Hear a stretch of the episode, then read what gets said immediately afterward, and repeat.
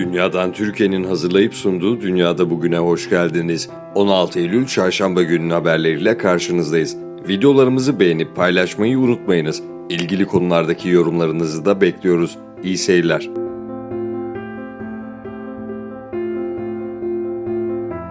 Fransız güçleri Büyük Sahra'da IŞİD liderini öldürdü. Fransa Cumhurbaşkanı Emmanuel Macron, Perşembe günü erken saatlerde Fransız güçlerinin Büyük Sahra bölgesinde IŞİD lideri Adnan Ebu Velid el-Sahravi'yi öldürdüğünü duyurdu. Macron, El-Sahravi'nin öldürülmesi hakkında Sahel'deki terörist gruplara karşı mücadelemizde bir başka büyük başarı, dedi.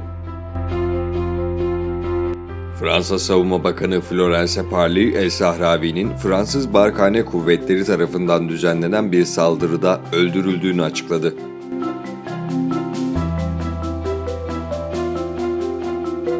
Rusya, Zapat 2021 tatbikatlarının ardından Belarus'tan askerlerini ve teçhizatlarını çekmeye başladı.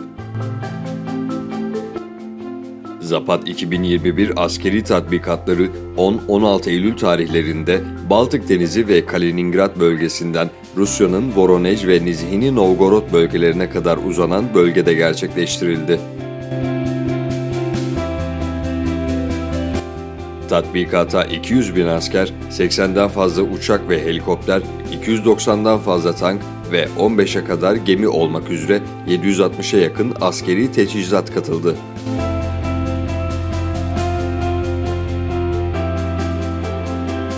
Çin'in toryum yakıtlı nükleer reaktörü bir devrim niteliği taşıyabilir.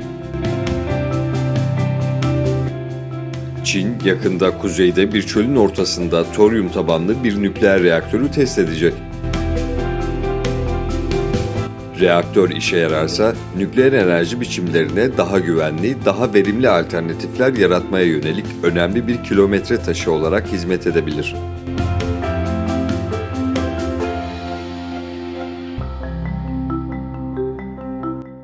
Avrupa Komisyonu medya çalışanlarının güvenliği konusunda endişeli. Basın mensuplarına yönelik fiziksel ve çevrim içi saldırıların artmasının ardından Brüksel, Avrupa Birliği hükümetlerini gazetecileri korumak için harekete geçmeye çağırdı. Komisyona göre 2020'de 23 AB üye ülkesinde 98 gazeteci ve medya çalışanı saldırıya uğradı.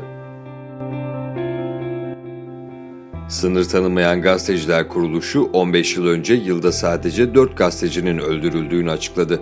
Avrupa Birliği yetkilileri artan sayıda saldırı konusunda endişeli olduklarını söyledi.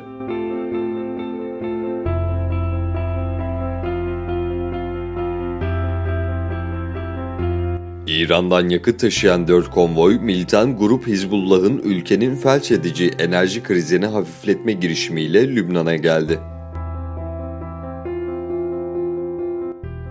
El Manar TV 4 milyon litre dizel yüklü 80 kamyonun Suriye sınırından geçtiğini söyledi. Yakıt, ABD'nin İran yaptırımlarına Lübnan'ı bulaştırmamak için Suriye üzerinden ithal ediliyor. Fransa, Joe Biden'ı Avustralya savunma anlaşmasını sabote etmekle suçladı. ABD ve İngiltere, Avustralya'nın ABD nükleer enerjili denizaltılarını satın alması için birleşecek. Avustralya'nın 40 milyar dolarlık Fransız tasarımlı denizaltı anlaşmasını iptal etmesine yardımcı olacak bir güvenlik ortaklığı kuracakları söyleniyor. Fransa Dışişleri Bakanı bu acımasız tek taraflı ve öngörülemeyen karar bana Bay Trump'ın eskiden yaptıklarını hatırlatıyor, kızgın ve kırgınım. Bu müttefikler arasında yapılmaz dedi.